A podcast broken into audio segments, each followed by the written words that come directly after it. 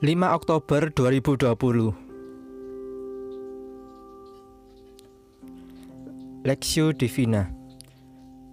2 Korintus 3 ayat 1 sampai 18 Adakah kami mulai lagi memujikan diri kami? Atau perlukah kami seperti orang-orang lain menunjukkan surat pujian kepada kamu atau dari kamu?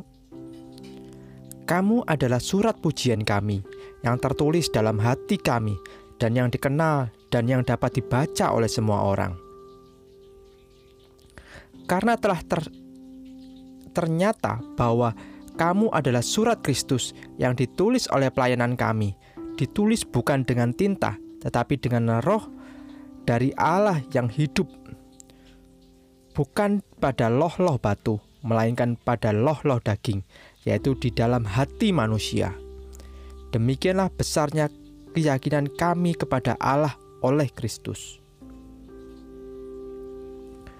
Dengan diri kami sendiri, kami tidak sanggup untuk memperhitungkan sesuatu seolah-olah pekerjaan kami sendiri. Tidak, kesanggupan kami adalah pekerjaan Allah.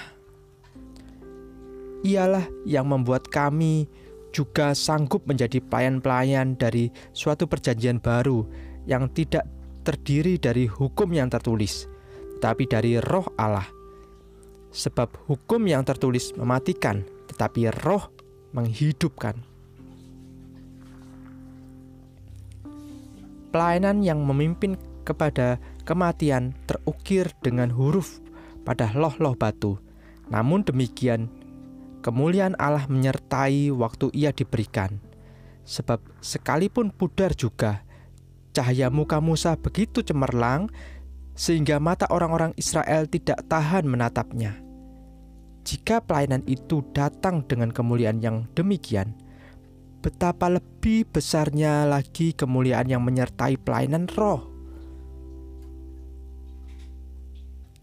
Sebab jika pelayanan yang memimpin kepada penghukuman itu mulia, betapa lebih mulianya lagi pelayanan yang memimpin kepada pembenaran. Sebenarnya, apa yang dahulu dianggap mulia, jika dibandingkan dengan kemuliaan yang mengatasi segala sesuatu ini, sama sekali tidak mempunyai arti. Sebab jika yang pudar itu disertai dengan kemuliaan, betapa lebihnya lagi yang tidak pudar itu disertai kemuliaan. Karena kami mempunyai pengharapan yang demikian, maka kami bertindak dengan penuh keberanian. Tidak seperti Musa yang menyelubungi mukanya supaya mata orang-orang Israel jangan melihat hilangnya cahaya yang sementara itu. tetapi pikiran mereka telah menjadi tumpul, sebab sampai hari ini selubung itu masih tetap menyelubungi mereka. Jika mereka membaca Perjanjian Lama itu tanpa disingkapkan, karena hanya Kristus saja yang dapat menyingkapkannya. Bahkan sampai pada hari ini, setiap kali mereka membaca Kitab Musa, ada selubung yang menutupi hati mereka.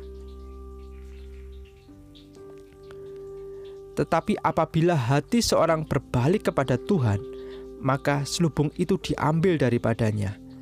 Sebab Tuhan adalah roh, dan di mana ada roh Allah, di situ ada kemerdekaan. Dan kita semua mencerminkan kemuliaan Tuhan dengan muka yang tidak terselubung. Dan karena kemuliaan itu datangnya dari Tuhan yang adalah roh, maka kita diubah menjadi serupa dengan gambarannya dalam kemuliaan yang semakin besar. Kamu adalah surat Kristus, perspektif. Kamu adalah surat Kristus yang ditulis oleh pelayanan kami, ditulis bukan dengan tinta, tetapi dengan roh dari Allah yang hidup, bukan pada loh-loh batu, melainkan pada loh-loh daging yaitu di dalam hati manusia. 2 Korintus 3 ayat 3 Ketika berkata, kamu adalah surat Kristus, seolah-olah Paulus mau katakan bahwa kamu adalah cermin Kristus yang hidup. Seluruh hidupmu bagai surat terbuka yang dilihat dan dibaca semua orang. Kita adalah manusia yang hidupnya sudah diubah setelah mengenal Tuhan dan hidup berjalan di dalam kebenaran Tuhan. Kasih dan kuasa Kristus yang nyata seharusnya menjadikan kita sebagai cermin untuk memperkenalkan Tuhan dan membawa orang lain kepada Tuhan. Namun, sejujurnya, sayang banyak orang Kristen tidak menyadari bahwa dirinya adalah cermin hidup karena perbuatan dan kesaksian buruk mereka. Akhirnya, orang-orang menjadi dingin dengan kekristenan. Ini juga yang pernah dialami Mahatma Gandhi, bapak dari India. Walau ia sangat mengagumi ajaran Tuhan Yesus, terutama khotbah di bukit yang telah mengilhaminya dalam memimpin rakyat India merdeka dari jajahan Inggris.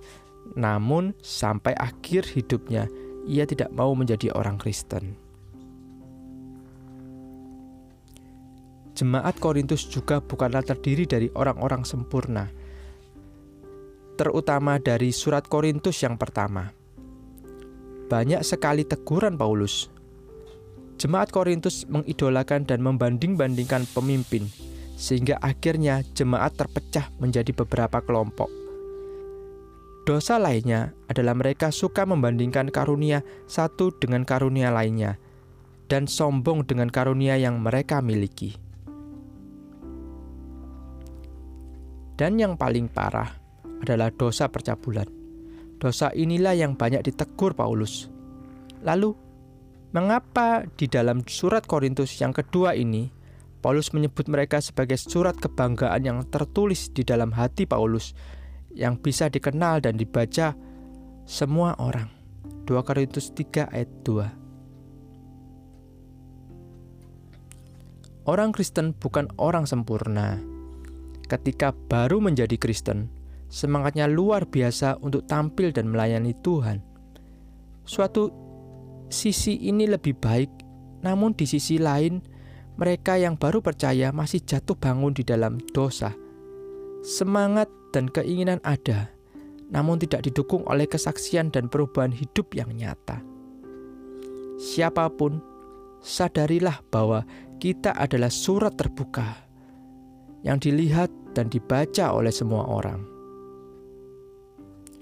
Studi pribadi.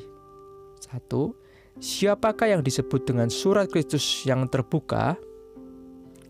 Dua, apakah tujuan Paulus menyatakan bahwa orang Kristen adalah surat Kristus yang terbuka?